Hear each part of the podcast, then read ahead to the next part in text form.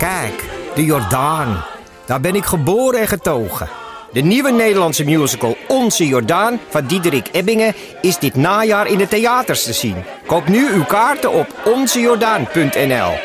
In de muziektheatervoorstelling Het Achtste Leven voor Brilka naar de wereldberoemde roman van Nino Haratischvili en in regie van Nina Spijkers vertelt hoofdpersoon Nitsa op meeslepende wijze met veel ironie en humor de dramatische geschiedenis van acht levens uit haar Georgische familie tussen 1900 en nu. Een hartverscheurend en tegelijk troostrijk drama verteld vanuit het perspectief van vrouwen uit verschillende generaties. Waarbij het publiek meegenomen wordt op een emotionele, visuele en muzikale reis door de 20ste eeuw. Koop je tickets voor het achtste leven via oostpol.nl. Welkom bij VSR. Voorheen Schaamteloos Onstedelijk. De podcast over alles dat je wel bent, maar niet wil zijn. Mijn naam is Soort Schmidhuizen. Tegenover me, hij deed weer net even snel zijn telefoon uit. zit van den Brink.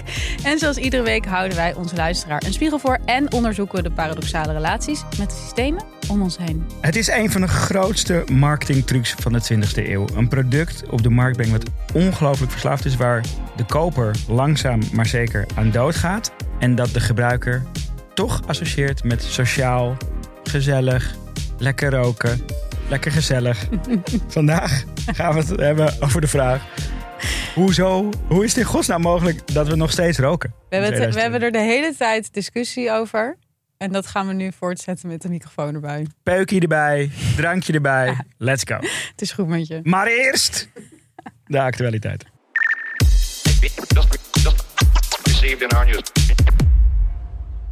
Ik ben ehm, best wel gefascineerd door de soort van backlash die is ontstaan op het nieuws dat Kylie Jenner en Timothée Chalamet, Ja. zeg je zijn naam goed, ik weet niet, ehm, aan het daten zijn of verkering hebben eigenlijk. Mhm.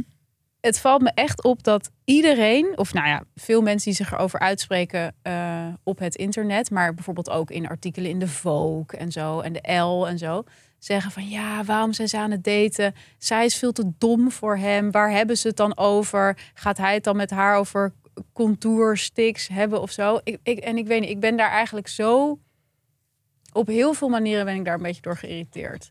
Ik vind het heel kortzichtig. Dus dat we eigenlijk kennelijk, we leven in een tijd waarin we allemaal mensen in hokjes stoppen. Dus Kylie Jenner heeft een beautymerk, is een Kardashian-telg.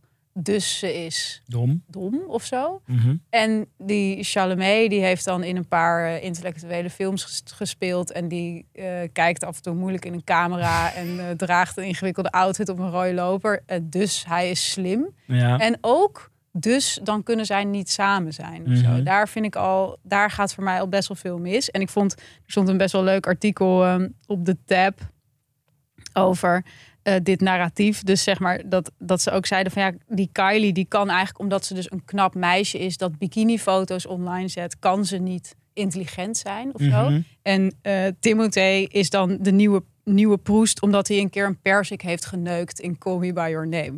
dat vond ik wel een soort van, inderdaad heel, heel exemplarisch voor hoe beperkt mensen dan kijken naar ehm, ja, dit soort types. Dat is wel een goede beeldspraak. Ja, ik vond hem ook grappig. Ehm, en sowieso valt het mij op dat er dat eigenlijk ja, die, de, ja, de soort van de reacties op die datende sterren vaak best wel een soort seksistische ondertoon heeft. Mhm. Dus hierin zit volgens mij heel erg in van ja, een, een slimme jongen zoals Timothée, die zou zich niet moeten verlagen Tot Kylie Jenner. tot een vrouw als Kylie Jenner. Terwijl je ook kan zeggen, van, nou, Kylie Jenner is echt een van de meest succesvolle zakenvrouwen van dit moment. Mhm. Maar dat telt dan eigenlijk Mhm. kennelijk niet of Mhm. zo. Maar dat zag je eigenlijk ook bijvoorbeeld bij... ehm, viel mij toen ook best wel op bij die, dat gedoe rond Haley Bieber en eh, Selena Gomez. Dus, Oké, wat was, wat was het Nou? Selena Gomez was vroeger met Justin Ja. Bieber en stel. En die Ja. zijn dus uit elkaar. En, Mhm. en nu gaat eh, Justin Bieber met Haley Bieber, obviously.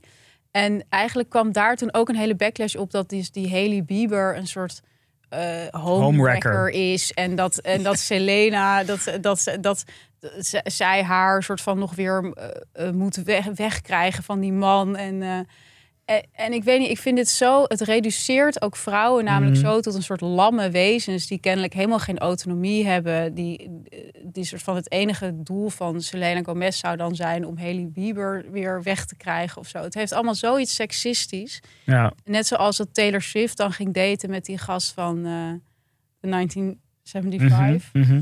En dat vonden al die Swifties dan niet goed, want hij, had, hij, Hij- zou geen goede invloed hebben en zo. En Want dan- hij was een seksist of zo was de take, toch? ja, maar het heeft ook allemaal zoiets van... Als, m- mogen die vrouwen het even zelf weten of zo? Er zit Ja. zo, het, het gaat zo weinig autonomie van uit. Ja, het is sowieso natuurlijk een beetje een soort lege huls dat, dat, dat daar dan allemaal artikelen over worden geschreven. Maar aan de andere kant denk ik wel ook, want dit moment dat zij tijdens het, volgens mij was het US Open onder andere, dat was een totaal georchestreerd PR-moment. Van eh Chalamet Ja, dus eerst, hadden ze, eerst waren ze bij een concert van. Beyoncé.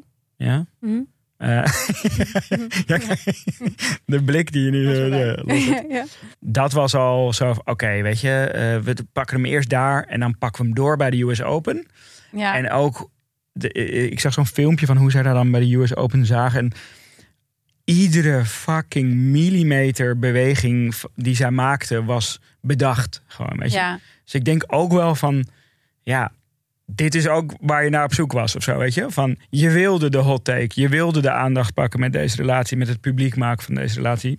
Denk je echt dat mensen zo berekenend zijn in hun 100 relatie? miljoen Maar dat procent. die Jenner denkt van ik begin een Daar relatie zitten- met daar zitten- want het is goed voor mijn brand. Natuurlijk. Eh, ik bedoel, ik denk dat ze hem op, oprecht aantrekkelijk vindt. Maar dat dat echt wel meespeelt. En dan als het eenmaal zover is, dan zit er een soort team van weet ik veel, veel publicists. Die dan gaan bedenken, oké, wat is de handigste strategie om dit eh, eh, wereldkundig te gaan maken? Wat is het juiste moment? Hoe pakken we die aandacht? Ja, denk. Dit is allemaal bedacht. Maar dit weet jij of dit denk jij? Nou ja, ik, we- ik bedoel, ik, ik heb het niet aan, aan, aan, aan Timothy en, eh, en Kylie Nee. gevraagd. Maar Moet ze even inbellen. Ik denk wel dat dit zo is gegaan ongeveer. Ja? Ja. Oh, misschien ben ik, ik... Ik denk daar helemaal niet aan. Misschien ben ik gewoon heel romantisch.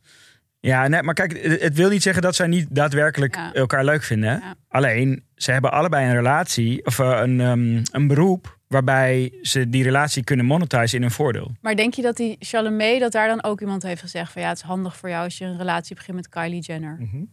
Waarom dan? Omdat het eh, sowieso betekent dat je volgeraantallen ongeveer Ja, ja. keer 100 gaan. Nou had hij al veel volgers, maar dat, dus je marktwaarde stijgt exponentieel. Eh, hij zal grotere rollen aangeboden gaan krijgen. Hij krijgt betere endorsement contracts. Ehm, het is een enorm, enorm belangrijke stap in zijn carrière. Ah ja. Ik, kennelijk zat ik er toch iets romantisch in. Maar het punt, ben- dit is helemaal niet het punt wat jij maakte. ik ben ook heel romantisch. Ik ben ook eh, een roker. Nee, maar het is niet het punt wat je. Kijk, het punt wat jij maakt ging over de inhoud van die stukken. En dat, dat ja, staat. en dat vind ik echt wel. Vind ook zeg maar dat zoiets als Vogue dan publiceert. Ja. Wat doet hij met haar? Denk Ja. ik, nou sorry, ja, jullie hele industrie draait ongeveer op mensen zoals zij. Dus Ja. Ehm, ik las een stuk in, in een Zweedse krant. Nou, trouwens, ik las helemaal niet. Ik las een stuk over een stuk in een Zweedse krant. ik had het wel leuk gevonden als jij je New York Times hobby nu ook naar. Een pet van Svenska ja, ja, dat jij nu ook gewoon buitenlandse kranten in het Zweeds aan het lezen bent. Ja, Jij weet het ook even niet meer. Het content ben een beetje zoekende. Ja. nee, ik vond het een heel boeiend ehm, onderwerp. Spotify als witwastool. Mhm. Eh, nou, we weten, eh, dat, dat, het gerucht gaat natuurlijk al heel lang dat er en masse van die clickfarms zijn waarmee mensen streams kopen. En Mhm. dan ken het narratief wat we daarvan kennen is dat het gewoon eh, gebruikt wordt om mensen zoals Little Kleine eh, kunstmatig groter te maken. Eh, dus dat er, als je, als je Is bijvoorbeeld. dat gebeurd met heel kleine? Nou, dat is niet hardcore bewezen, maar er zijn, zeg maar, als je zijn de patronen in de, de streams kijkt, Oh ja. zijn er op twee punten eh eh, soort van enorme pieken die niet verklaarbaar zijn en ook niet uit Nederland en België komen. Oh, oké. Ja, dat is wel. Eh, dus nee, het is niet bewezen, maar dat iemand heeft wel die, die, eh, die data een keer Mhm. eh, gepubliceerd. Ehm, dat is zeg maar hoe we dit kennen. Maar dit blad kwam met een artikel dat het dus ook op een andere manier gebeurt.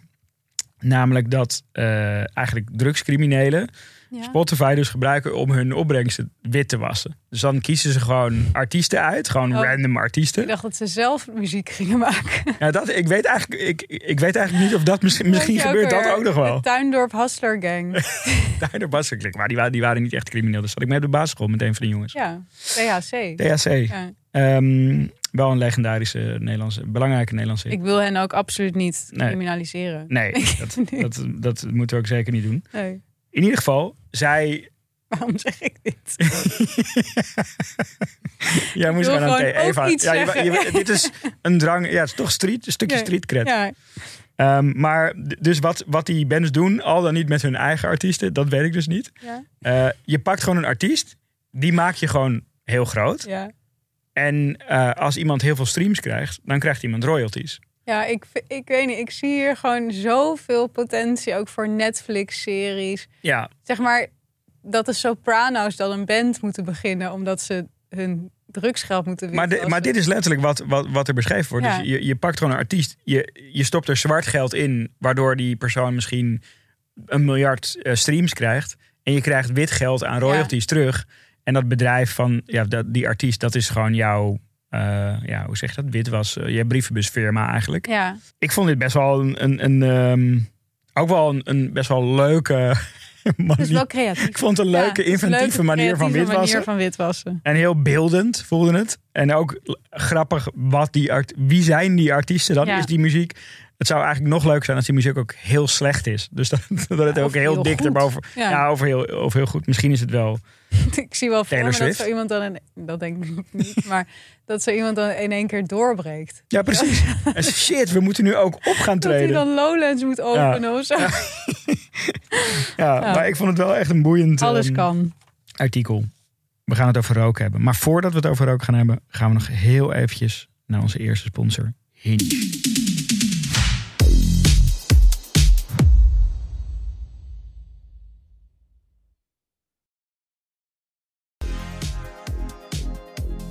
Hinge. Hinge is de dating app met de slogan Designed to be deleted. En door prompts te gebruiken om je profiel op te bouwen, zal Hinge gepersonaliseerde aanbevelingen doen om jou te helpen zinvollere verbindingen te leggen. En dat willen we toch allemaal, zinvollere verbindingen. Het unieke aan Hinge zijn dus die prompts, die vragen die je op je profiel kan zetten, waardoor je heel makkelijk een gesprek kan starten en een idee krijgt van iemands persoonlijkheid. Mhm. Nou, dan zijn er verschillende voorbeelden van prompts. En één daarvan is: laten wij over dit onderwerp discussiëren. Nou, laat dat nou zijn waar wij heel erg dol op zijn. Zeker. Discussiëren met elkaar. Dus wij hadden een, een idee voor een, Een, een gezonde discussie. Ja, precies. Ja, ja want we in de, op, op weg naar de opname zitten we altijd samen in de auto. En dan hebben we het over alles behalve de, de, de opname. Ja, Ehm, en toen hadden we het over verjaardagen. ja, En dan in het bijzonder volwassen mensen. ja. Dus mensen van, laten we zeggen, laten we eh, de, de, de definitie iets oprekken. 30. Mensen boven de ja, 25 à 30. Gewoon die hun eigen broek Van ophouden. mensen met een baan. Die hun verjaardag vieren. En dan geld vragen. Ja, jij vindt dat echt heel erg. Jij vind vindt dat echt- weerzinwekkend. Jij vindt dat echt einde vriendschap. Ja, ja ik vind Jij- dat echt. Jij blokkeert iemand. Ik Jij- denk echt van, oh, ben je elf geworden? Ja, vroeg jij geld op je Gefeliciteerd. erf, elfde? Ja, hè? Denk ik wel. Ja, ik vind het, ik vind het ook erg. In die, zin- maar ik vind het vooral, zeg maar, ehm, creatief een beetje armoedig. Ja, precies. De hamvraag is natuurlijk, zou dit een, een goed werkende prompt zijn in de, ehm, in de UX van Hinge? Ik, ja, ik, ik kan me niet voorstellen dat dat niet zo is. Ik, het lijkt me een uitstekende prompt. Het lijkt me ook een uitstekende Ja. prompt om Hinge nu te downloaden via iOS of Android. Vanavond een hinge date hoor. Ja? Oh, jij zit er lekker in, hè? Heel lekker. Lekker in. Ik wil het zo even weten. is je leuk? Oké. Ja, dat gaat. Oh ja, weet je dus nog niet. Oh, cool. Ja, hij had die goede prompt. Had hij ja?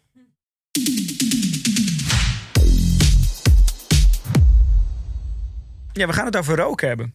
Waarom roken we nog? Hè? Het is vrij slecht voor je Vraag roken. je het aan mij? Of, eh? Nee, het is een, het is een, het is een Timothy Chalamet-like vraag aan de Het mensheid. is een open vraag. Ik was eh, deze zomer op veel festivals. Mhm. Ehm, met, de, met de nieuwe keuken. En ook gewoon als eh, festivalbezoeker. En ik dacht, hmm, het valt mij best wel op dat er weer gewoon. Ja, ik, ik, weet- ik weet niet of het daarvoor ook minder was. Maar voor mijn gevoel werd er stevig gerookt door jonge mensen. Ja. Ik heb daar een, eh, een NS1-onderzoek eh, eh, op gedaan. Ik heb drie kleine broertjes, 21, 23, 25. Die mij vertelden ehm, dat ze eigenlijk bijna niemand kennen die niet rookt. Mhm. Nou, wij hebben het toen ook een keertje over gehad. En toen kwam dat gesprek ook weer op de vapen heel snel terecht. En dat dat vapen ook weer een soort nieuwe ehm, golf van rokers heeft ehm, gebracht. Dus toen dacht ik van ja, dit is best wel een goed onderwerp om het een keer over te hebben. Want eigenlijk heeft de overheid ons best wel lang een rookvrije generatie eh, beloofd. Mhm. Het leek ook door allerlei type beleid alsof we daar aardig naar op weg waren. Dus ehm, van, eh, eh, ja, waar komen we vandaan? Van, van het, het verbieden van roken in de club. Ja, dat weet ik nog heel goed. Ik, ik, ik zat dus hier voor deze aflevering ook nog te denken dat mijn eerste baan, dat, dat- toen mocht je nog op kantoor roken. Ja. En ik werkte gewoon in het, in het, ik organiseerde nachtleven evenementen. Dus iedereen rookte daar. Ja. En dan zat je gewoon in zo'n ruimte met 40 mensen die gewoon. Iedereen had gewoon een asbak op zijn bureau staan. Gewoon paffen. Dat associeer ik wel echt met de jaren zestig of zo. Ja, dat is, maar ik vond het toen ook wel echt. Ik rookte niet. Ja. Ik dacht, jee, iedere avond rook je kleren ook naar alsof je, alsof je naar een, en naar een café en naar de P96 Mhm. daarna nog was geweest. Inmiddels roken we niet meer aan ons bureau, mochten niet meer in de club roken. En langzaamaan wordt, wordt het afgebouwd. Mhm. En het lijkt daardoor best wel ehm, ja, alsof we in die rookvrije generatie te, terechtkomen. Maar achter de schermen is, is die industrie natuurlijk gewoon bezig aan, eh, aan, een aan, aan lijfsbehoud. Mhm. En die industrie is daar fucking goed in. Eh, ze zijn altijd inventief geweest, want ze moesten altijd een beetje door de mazen van de wet heen eh, kruipen. Ehm, nou, toen hadden we op een gegeven moment bedacht in onze groep van ja, dit is gewoon een goed onderwerp, laten we dit doen. En toen de dag daarna kwam er een artikel in, ehm, in de Volkskrant over, ehm, over vapen. Hoe de tabaksindustrie met vapen jongeren weer aan de nicotine krijgt. En toen dachten we ja, dit is gewoon, Toen dachten we ja. het leeft. Het leeft. Ja. Laten we in deze zoektocht beginnen bij onszelf. Mhm. Jij vertelde, als je, als je een trouwe luisteraar bent en helemaal tot aan het einde van de eh, aflevering luistert. Waar we wel van uitgaan. Precies. Hoorde jou vorige week over roken Ja. eindigen. Ja, nou ja, het is, het, ik, het is iets waar ik het al best wel lang over wil hebben. En tegelijkertijd heb ik er ook helemaal geen zin in. Maar goed, laten we het toch maar doen. Ehm, Waarom Ja. heb je er geen zin in? nou, omdat ik... Oké, heel eerlijk. Omdat ik gewoon af en toe rustig een sigaretje wil roken. Ja. Zonder, zonder, Zonder- dit gesprek. Ja, Ja. zonder dit. Eh, maar dat is tegelijk een hele goede reden om het er natuurlijk wel over Mhm. te hebben. Ik ben, denk ik, al mijn halve leven niet verslaafd aan roken. Mhm. Dus ik rook eigenlijk gewoon nooit. Of eigenlijk gewoon, zeg maar, eh, zes dagen per week niet. Eh, ik heb ook nooit zin in een sigaret eigenlijk. Tot ik de zevende dag een glas wijn drink. En dan wil ik meteen roken. Ja. En dat is er gewoon... Maar zou je dan ook, als je bijvoorbeeld zeven dagen achter elkaar wijn drinkt, zeven dagen achter elkaar Ja, roken? ja, Ja. want het is een totaal met elkaar Associatieve, gecombineerde dus, associatieve verslaving. verslaving. Het is ook wel een, een, moet zeggen, het is in de zomer sterker dan in de winter. Dus in de zomer als je buiten zit. Komt ook omdat je dan direct kan, het toch? veel makkelijker roken er mensen om je heen. Zeg maar als ik bijvoorbeeld bij mensen thuis eet en dan drink ik een glas wijn, dan heb ik veel minder dat ik meteen denk, ik moet er een sigaret bij. Oh ja, dus dan is die associatie minder sterk. Ja, het is echt heel associatief. En ik heb ook het idee, ja, roken is natuurlijk in principe een middelenverslaving. Maar ik, heb, ik voel heel erg hoezeer het ook een gedragsverslaving is. Dus Ja. het is. eh, Als je op die manier rookt. Ja. ja, als, het staat voor mij gewoon heel erg voor. ehm, nu is het even chill. Nu is het even gezellig. Eh, ik ben iemand die hard werkt ook. En het is er ook heel erg ingesleten Mhm. als een soort van Beloning. ja, vrijdagmiddag gewoon dat doen. Ik, heel veel van mijn vrienden roken ook op deze manier. Dus eh, je Ja. houdt elkaar ook een beetje in die loop, denk ik. Maar het, ik, ik dacht er, ik heb er natuurlijk veel over nagedacht. Maar zelfs het pakje sigaretten kopen Vind je op vrijdag, daar krijg ik al een soort dopamine shot. Dan denk ik, ah, vanmiddag lekker op het terras gaan zitten. Zo primair. Je kijkt, je Maar- kijkt je heel erg beschaamd. Ja, ik vind het ook- Heel eerlijk, van, eh, toen ik gewoon nog dronk, toen deed ik dit ook. Hè? Nou ja, dat is het. Ik denk ook vaak, eh, als ik zou stoppen met drinken, zou ik meteen stoppen met roken. Waarom zou je dan dan heeft nog ook totaal geen zin meer voor mij. Ik vind roken, zeg maar, zoals mensen opstaan en een sigaret. Ik vind echt, er is weinig wat ik zin- Viezer ja. Eh, het idee dat ik nu een sigaret zou moeten roken, zou ik echt, dat zou ik gewoon verschrikkelijk vinden. Ja. Dus het is een heel gek soort verslaving die dus met een cognitieve dissonantie en dus de verdoving van alcohol samenhangt. Mhm. Ik ben dus al, zit al lang in deze situatie en ik denk ook heel vaak van ja, ik moet hier gewoon, ehm, ik moet hier gewoon mee stoppen, want ik Mhm. vind het eigenlijk gewoon krankzinnig. Ehm, ik, ik ben heel, ik ben ook heel erg bezig met gezond zijn, gezond eten, sporten. Eh, dus eigenlijk is het niet te rijmen met mijn levensstijl Ja. dat ik dit volhoud.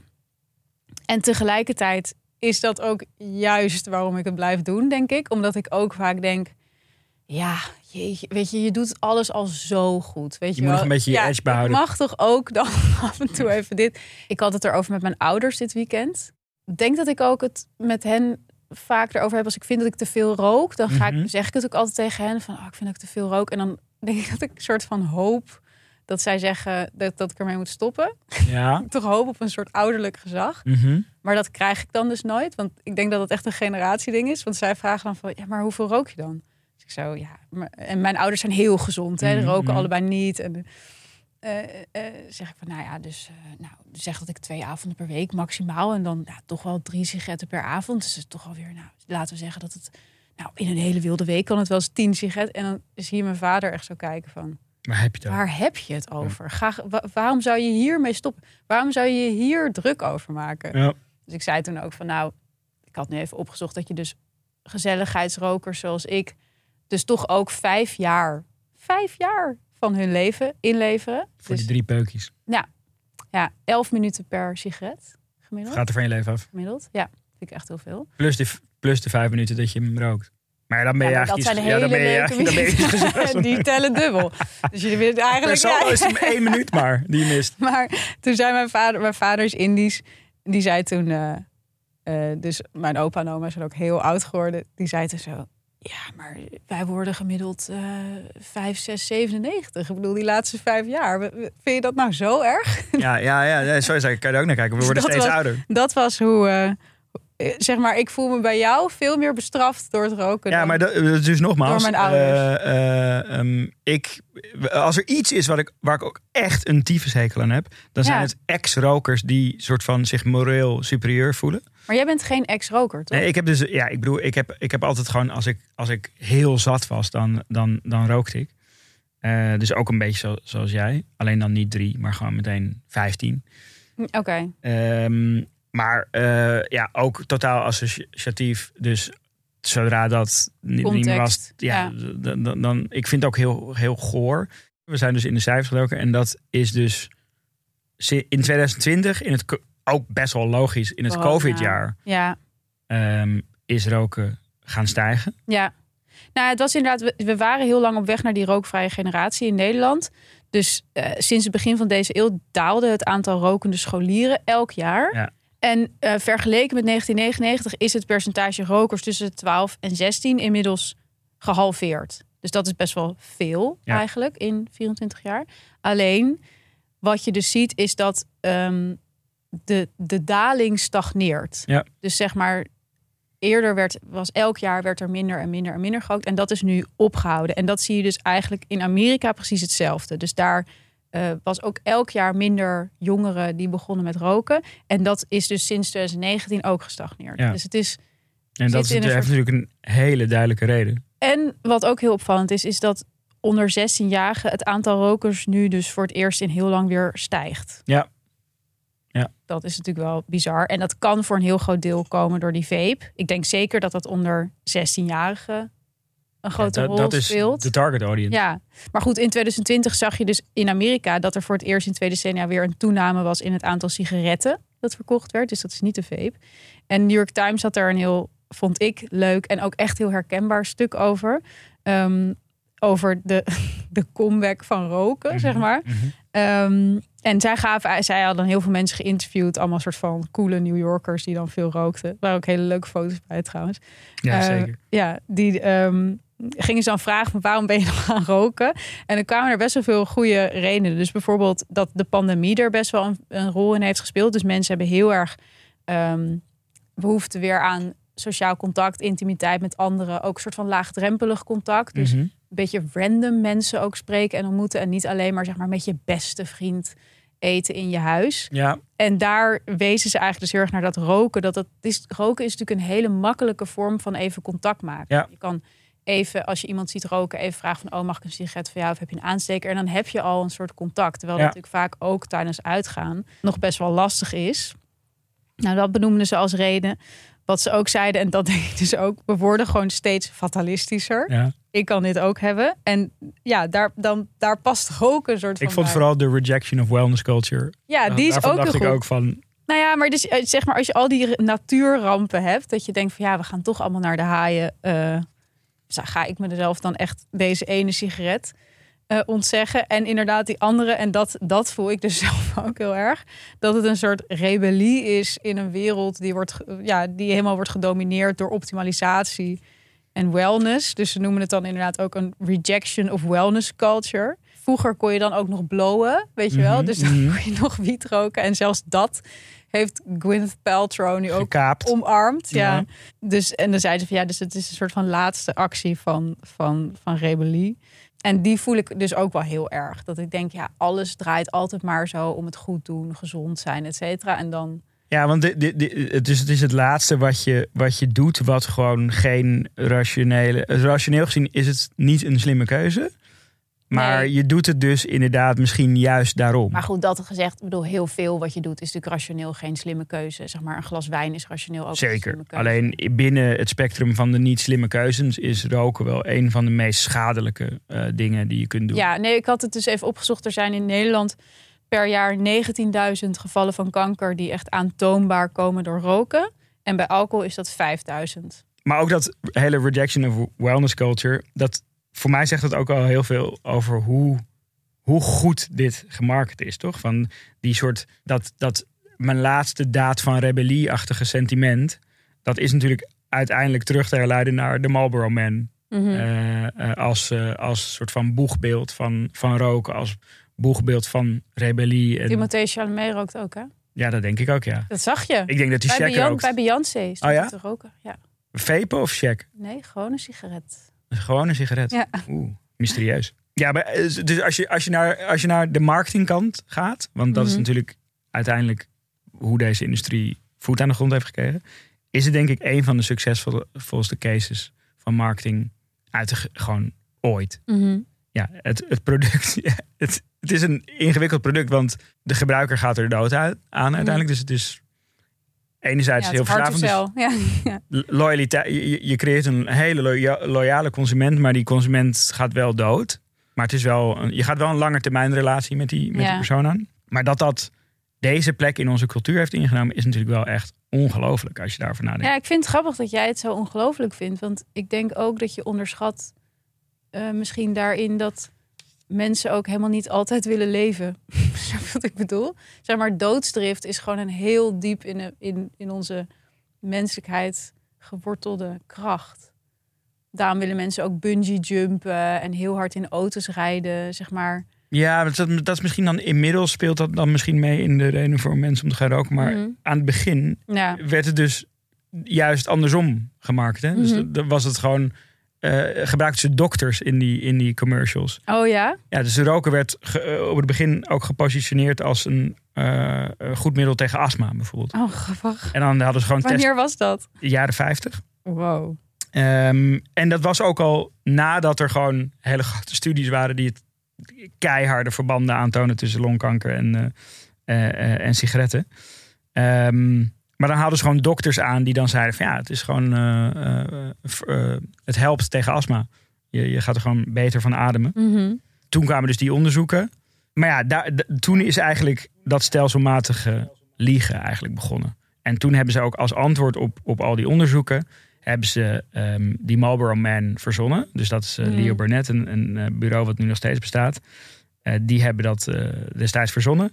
En dat, is, dat werd gewoon direct een van de meest succesvolle campagnes ooit. Daarvoor was roken namelijk ook best wel feminien. Eh, dus ehm, ze hadden dan een slogan, bijvoorbeeld Marlboro Mild as May. En dan zag je eigenlijk een beetje een soort van ehm, ja, elegante fotografie van vrouwen die, die rookten. En zo werd het eigenlijk een beetje ehm, eh, verkocht. En toen braak ze eigenlijk met dat imago door die Marlboro Man te introduceren. Mhm. En het veel stoerder en rebelser te gaan, eh, te gaan positioneren. Ehm, en dat, eh, daar, vervolgens hebben ze dus heel veel geld betaald aan Hollywood om, da- om dat kracht bij te zetten. Dus ook om in films altijd dat soort karakters eh, te laten roken. Eh, en het ook, ja, eh, nou ja, we kennen gewoon alle voorbeelden van films waarin het gewoon Ja. cool was of zo, weet je. Dat, dat voelt ook, soms als je een oude film ziet en iedereen paft hem, of Mad Men of zo, Nog weet je. steeds, Maar nog steeds, toch? Er wordt toch zoveel gerookt? Ja, ik heb wel het idee dat dat wel echt minder is geworden. Dat, dat, meer not done is geworden. Voor mijn gevoel. Nou, weet ik niet. Ja, ik weet niet. Bijvoorbeeld, eh, nee, ik, zit nu, ben opnieuw Succession aan het kijken. Maar daar wordt bijvoorbeeld Ja. amper gerookt. Terwijl dat een serie zou zijn die vroeger waar iedereen zou roken. Ja, misschien. Maar ja. toen ik ook weer een beetje zelfreflectie deed Mhm. en terugging naar het begin dat, eh, dat ik begon met werken, dus begin jaren 2000. Wat zeg maar qua rook, ja, om, om, om te illustreren wat ik net ook zei, van er werd gewoon op mijn kantoor gewoon binnen gerookt. Ja. Wij werkten gewoon ook voor die peukenboeren. eh ja, organiseerden dat we- vond ik echt heel interessant. Ja. Hoe werkte dat dan? Nou ja, wij, wij organiseerden, eh, het, he- dat heette Lucky People Center. Ja. Eh, dat was voor Lucky Strike. Ja. Eh, en dat was een industrie-evenement voor de elektronische muziek. Dus het was een soort van heel goor, ons kent ons event, waar waar- invite only. Ja, soort, maar dan wat kleiner en alleen Nederland. Eh, dus, dus iedereen die, die een beetje wat in die industrie deed, die werd daarvoor uitgenodigd. Je kreeg daar echt zieke goodiebags vol met telefoons en Kreeg je dan gewoon een slof eh, sigaretten? pe- peuken zaten erin, telefoons, hele outfits. Gewoon een soort, soort Oscar-achtige, nou, op, op polderniveau, Ja. goodiebag. Eh, en dat was dan bedoeld om, om, om die band aan te halen. Maar ik weet ook dus- nog, ik, ik zal zijn naam niet noemen, maar ik weet nog wel dat een voormalig nachtburgemeester van Amsterdam, die op een gegeven moment ook de hele tijd geleden, die werd volgens mij gewoon gesponsord door Golwasis. Nou, ik werd ook gesponsord door Ballerwassers. Ja, nee, ik zat ook in dat, in dat, eh, in dat soort van, ja, hoe moet je het noemen, eh, focusgroepje. Eh, dus je kreeg daar, ik rookte niet eens. Ik gaf Nee. die pakjes altijd, altijd weg en een paar rookte ik dan als ik heel zat was. Mhm. Maar je kreeg twee sloffen per maand. En in ruil daarvoor moest je dus participeren in ehm, eigenlijk een soort brainstorm sessies. Over hoe zij dus, daar legden ze gewoon eigenlijk vraagstukken voor.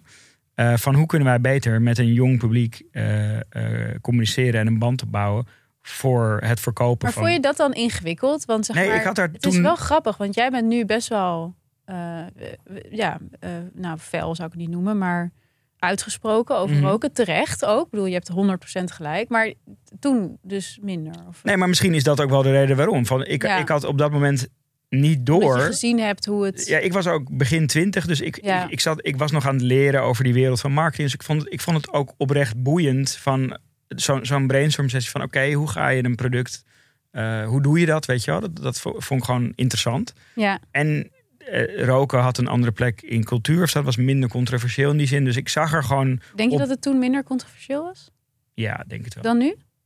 Eh, ook omdat je dus, eh, dat, ja, wat ik zeg, weet je. meer kon. Ja, je zit gewoon op je kantoor, Ja. doe je het eh, in, in, in het café, in de club, overal mocht je roken, in een restaurant. Ja. Dus dat kan je bijna niet meer voorstellen. ja, dat weet ik ook nog wel heel goed. Dat, dat roken verboden werd in de horeca. En dat Ja. ik toen ook dacht, maar ik dacht toen echt, wat, maar wat moet ik dan doen? Hoe kan dit? Ja. Ja. Maar dus misschien dat ik daarom ook juist fel erop ben. Omdat ik dus, maar achteraf gezien, ook best wel in het ootje voel genomen. Dat ik gewoon, de vraagstukken die daar over tafel gingen, was gewoon van... Hoe, ga, hoe kunnen we jonge mensen meer aan de check krijgen? Ja, En daar werkten wij dan gewoon met, Check. met 40, 50 eh, mensen uit de, de, de Amsterdamse scene. Van inderdaad de, dus de eh, nachtburgemeesters, eh, Ja. eventorganisatoren, modeontwerpers. Iedereen deed daar gewoon aan maar mee. goed, is dat nu anders dan? Hoe bedoel je dat? Nou, gebeurt dat nog steeds? Ja, dat gebeurt dus nog steeds. Ja. Blijkt uit een onderzoekje wat ik Ja. heb uitgezet. Maar wacht, om nog één dingetje daarover te zeggen. Want dat was wel uiteindelijk hoe interessant hoe dat afliep. Dat die, die, eh, die groep, eh, die werd dus ehm, ontdekt door iemand van de NRC. Oh, echt? Ja, en eh, daar, daar verscheen toen een artikel ehm, over in de NRC. Nou, en toen werd ik op een gegeven moment benaderd door iemand van de, mm, de tabakswet of zo. Iemand die toezicht, de toezichthouder tabakswet. Eh, en die wilde toen een, ehm, een interview eh, doen over hoe dat dan was gegaan. En eh, moest ik eigenlijk gewoon vertellen hoe dat tot stand was gekomen. En dat was het moment dat ik dat voor mij dat ik ook ontdekte van holy shit, dit is echt, echt absurd dat zij dit Ja, gaan ja. doen. Dus ik, ik denk dat daar ook een deel van mijn soort van aversie er tegen ehm, zit. Niet heel lang daarna kwam er een algeheel verbod op überhaupt marketing en communicatie voor die, voor die sigarettenmerken. En ter voorbereiding van deze aflevering Mhm. in eerste ik, ik, heb, ik heb gesproken met mensen die bij eh, sigarettenmerken werken. Ehm, en ik was eigenlijk benieuwd of er ook nog, zoals vroeger, dus allemaal reclamebureaus of, of andersoortige eh, creatieve bureaus zijn, die zich ook inzetten eh, voor die merken. Dat mag officieel niet. Ja, Eh, dus ik heb een berichtje op mijn eh, Instagram gezet van eh, zijn er bureaus die, die, ehm, die daarvoor werken. Ja. Nou, ik postte dat. De krekelgeluiden begonnen. Mhm. En ik kreeg nul reacties. Toen dacht ik na een half uur... of de juiste mensen hebben het niet gelezen... Mhm. of het, het gebeurt gewoon niet... of, het Of- ligt aan mijn post. Ja. Ik ging die post teruglezen dacht ik... oeh ja, oké, ik had het op een niet hele slimme manier geformuleerd... was niet bijgezegd dat het anoniem zou zijn. Mhm. Nog een post achteraan gedaan, het is anoniem. En toen gingen de sluizen open. Oh ja, oké, maar vertel. Nou, toen kreeg ik echt best wel veel berichten... die dus wel gewoon nog zich inzetten voor die industrie. Maar hoe gaat dat dan? Wat, wat gebeurt er? Wat, zijn er dan nog steeds van die Lucky Strike, eh, wat was het, Lucky Club of wat zijn nou? Nou, dan Kijk, dat, dat, kan, ja, dat kan dus natuurlijk niet Nee. meer, want je mag het niet, je mag niets, niets claimen. Mhm. Dus dat, van dat niet claimen ging het naar, zeg maar, toen het net was opgegeven, eh, hadden wij dan alsnog met Lucky Strike allemaal deeltjes. Maar dan kwam het in de vorm van meubels in de club, in hun kleuren en in hun vormen. Mhm. Zo van subliminal zou je dat dan dus linken. kijk naar die stoel, je krijgt zin in een sigaret. Precies, dat was dan het idee. Nou, en inmiddels mag, mogen dat soort dingen ook niet meer. Nee. Maar wat, wa- waar ik dus eh, achter kwam dat wel dus nu gebeurt, is dat ze dus etentjes organiseren. Of tenminste, eigenlijk la- laten ze andere mensen etentjes organiseren. Eh, die worden dan volledig betaald. Dus daar staan dan gewoon, weet ik veel, chefs te, te kopen Ja. of weet ik wat. En ehm, eh, die mensen die die, die, die eh, etentjes hosten, die nodigen ook de mensen uit. En daar zitten dan toevallig aan tafel x aantal mensen die vapen. Eh, en die zijn gewoon, hun opdracht Wacht is... even. Dus er worden etentjes georganiseerd door sigaret, of tabaksfabrikanten of vape. Nee, ze worden niet door, ze worden gefinancierd. Oké, betaald. Ja. Maar door de tabaksindustrie. Ja. Of door vapefabrikanten. Door sigarettenmerken. Ja. en dan door, aan eh, tafel zitten mensen te vapen. En die zijn daar neergezet. Dat zijn zeg maar figuranten.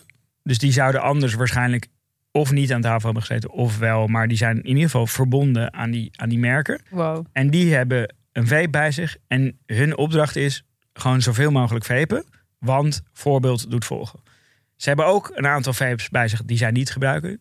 Zodat mensen dat kunnen proberen.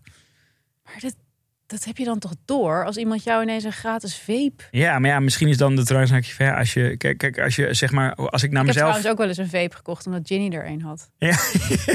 nee, maar misschien heb je door. Maar als je, kijk, als ik naar mezelf kijk van, van eh 20 jaar geleden. Ik wist toen ook dat daar een soort transactie plaatsvond. En ik vond het ook niet per se erg. Dus misschien vind je dat dan ook niet. niet zie je daar dan. Ja, Wie organiseert die etentjes dan? ja dat, kijk, ik, ik heb wel echt aan al die mensen Nou ja, dat eh, beloofd dat het, dat het anoniem Ja. is. Maar Wow. ja, gewoon bekende mensen uit, uit eh, eh, bepaalde Die ik scenes. ook ken. Ja. Wow. Ja. Ik begin wel over die etentjes een soort van...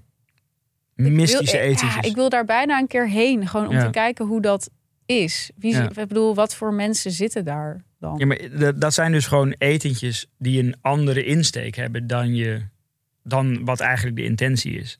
Althans, voor de persoon die ze host, is de, is de insteek bijvoorbeeld: ik ben jarig. Of, Maar die weet dan toch dat dat betaald is door... Ja. Die stuurt dan toch een factuur. ja, dus die doet daar aan mee.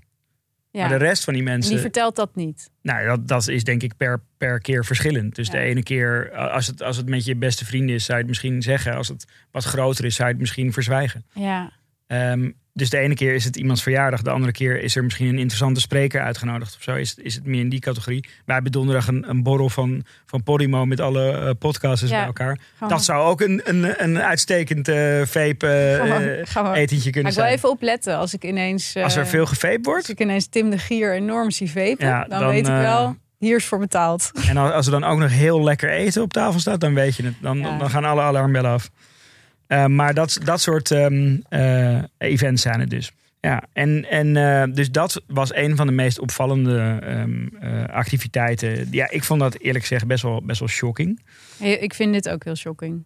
Ja, want dit- Zeker als je ziet dat die vapes, dat zijn nu een hele belangrijke, ehm, dat is een heel belangrijke reden waarom steeds meer jongeren nu ook verslaafd raken aan sigaretten. Ja, en dat is dus een, een, een, ja, een, een, een bedachte strategie. Dus, dus de narrative is, wij, wij helpen mee aan die rookvrije generatie.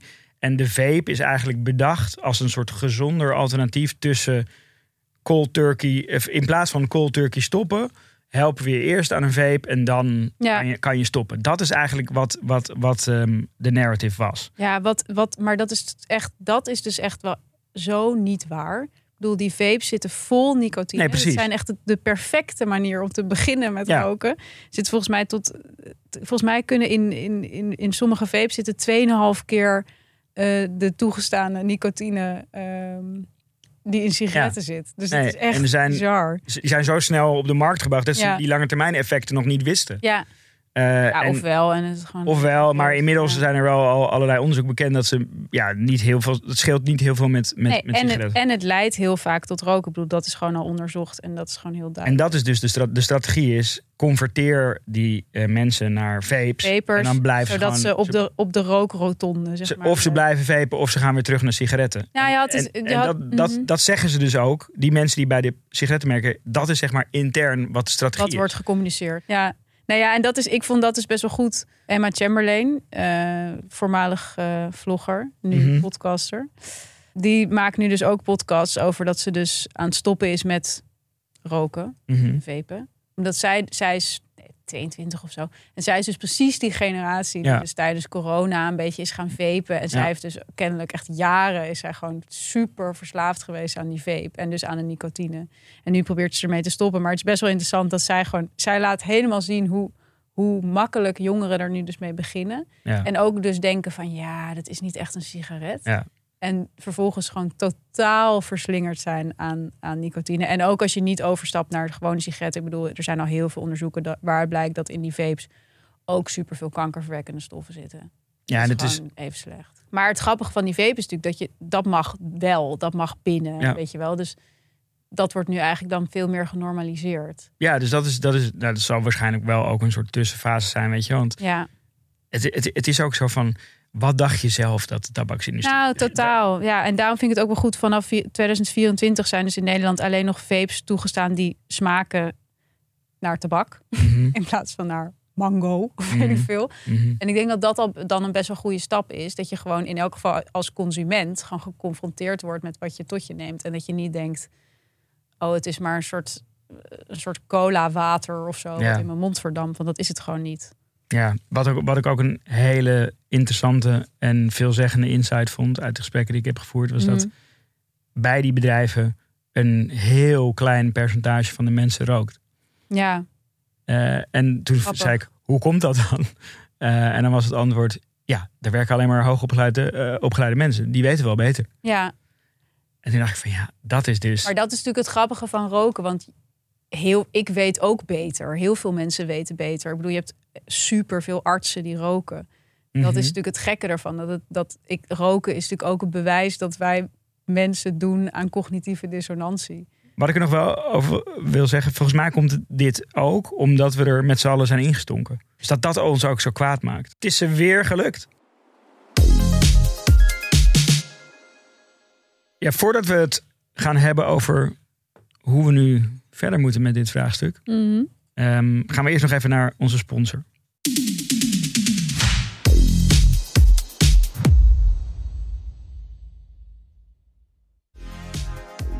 We hebben nog steeds Green Chef als sponsor. Eh, Green Chef zijn maaltijdboxen die je helpen om gezond te eten op jouw manier. Een gezonde maaltijdbox die perfect bij jouw levensstijl past. Met Green Chef kies je elke keer uit een selectie van 22 recepten. En voor iedere gezonde levensstijl is er wat wils. Vegan, vegetarisch, keto. Je kan zelf bepalen welke drie, vier of vijf gezonde gerechten bij jou thuis aanschuiven. Waar, na deze aflevering, waar ga jij in je, in je, in je dieet nu de focus op leggen? Ja, het is natuurlijk bij mij eh, enorm compenseren, dat snap je. Dus jij gaat echt full pool vegan. Vegan, Ja. ja, ja, s- Ja. totaal schuldgevoel, eh, Ja, schuldgevoel wegwassen met de, met, de, met de gezonde maaltijdboxen van Green Chef. ja. Ik heb zelf deze week zoete aardappel met miso en broccolini en champignons en kikkererwten gegeten. Een ongelooflijke hoeveelheid van ingrediënten die samen een uitgekiende balans van smaken en gezondheidsassociaties bij me opriepen. En bij je hele gezin? Nee, dit heb ik alleen zelf gegeten. Ik heb het, ik heb het niet eens doorgegeven aan de rest. Je hebt het voor Kan je jezelf nagaan. gehouden. Ik heb, Oh, het, voor, voor, nou, wel, ik heb het wel gedeeld met Dido. Eh, maar ik heb het niet aan de kinderen gegeven. Kook gezond met tot wel 90 euro korting op je eerste vier boxen met de unieke kortingscode Chef Schaamteloos. All caps. Claim de korting via de link in onze beschrijving.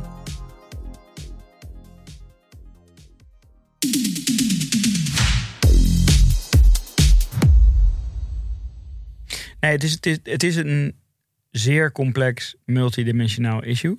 Het is ook niet zo simpel, want een veelgehoord soort tegenargument is... gooi gewoon die accijns omhoog. Dat werkt pas schijnbaar, is laatst onderzocht, als een pakje 60 euro gaat kosten. 60 euro. Ja. Dus eh, dan, wordt, dan wordt het gewoon een soort LVMH-achtige Ja, ja, eh, propositie, precies, toch? En dan wordt het gewoon luxury. Dus dat werkt dan ook niet. Eh, ik heb ook niet echt een conclusie. Ik vind het wel dus echt best wel... Ik had, toen ik dat berichtje op Instagram zette, ja. Echt niet verwacht dat, er, dat ik daar zoveel reacties Nou, op ik vind, krijgen. dat, ik vind dat ook wel echt shocking. Ja. Zeg maar, dat is wel voor mij heel erg, denk ik, de samenvatting van waarom zoveel mensen zoals ik toch nog steeds een paar sigaretten per week roken. ja, en Terwijl je weet dus- dat het slecht voor je is. Precies, en dat dat dus uiteindelijk dus de strategie is. Ja, nee, dat vind ik eigenlijk het grootste inzicht. Dus dat mijn gevoel van, ja, het is gewoon een soort fuck it. Ja. eh, dat dat precies is Dat die autonomie... ja, wat mensen willen is. dat ik denk. En dat, dus dat is ook wat ik bedoelde met roken, is juist succesvol omdat het slecht voor je is. Ja.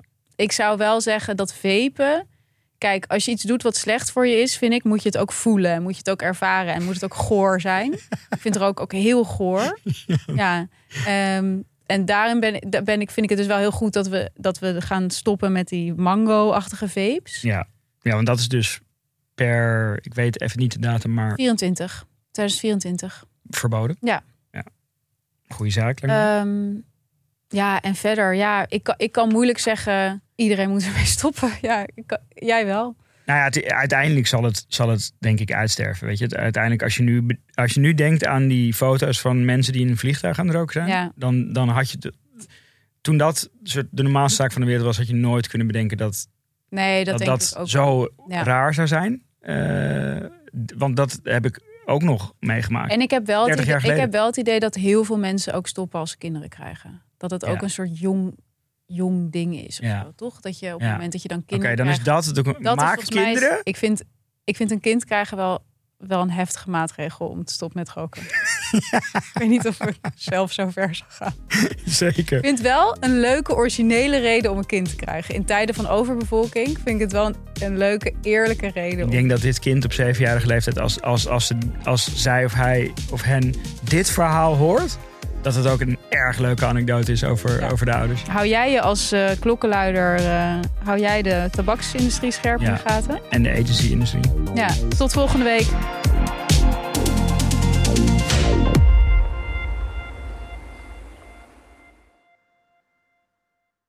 Nog even over die grootse en epische muziektheatervoorstelling. Het achtste leven voor Brilka is een marathonvoorstelling van 5 uur. Koop je tickets voor deze bijzondere theateravond via oostpol.nl.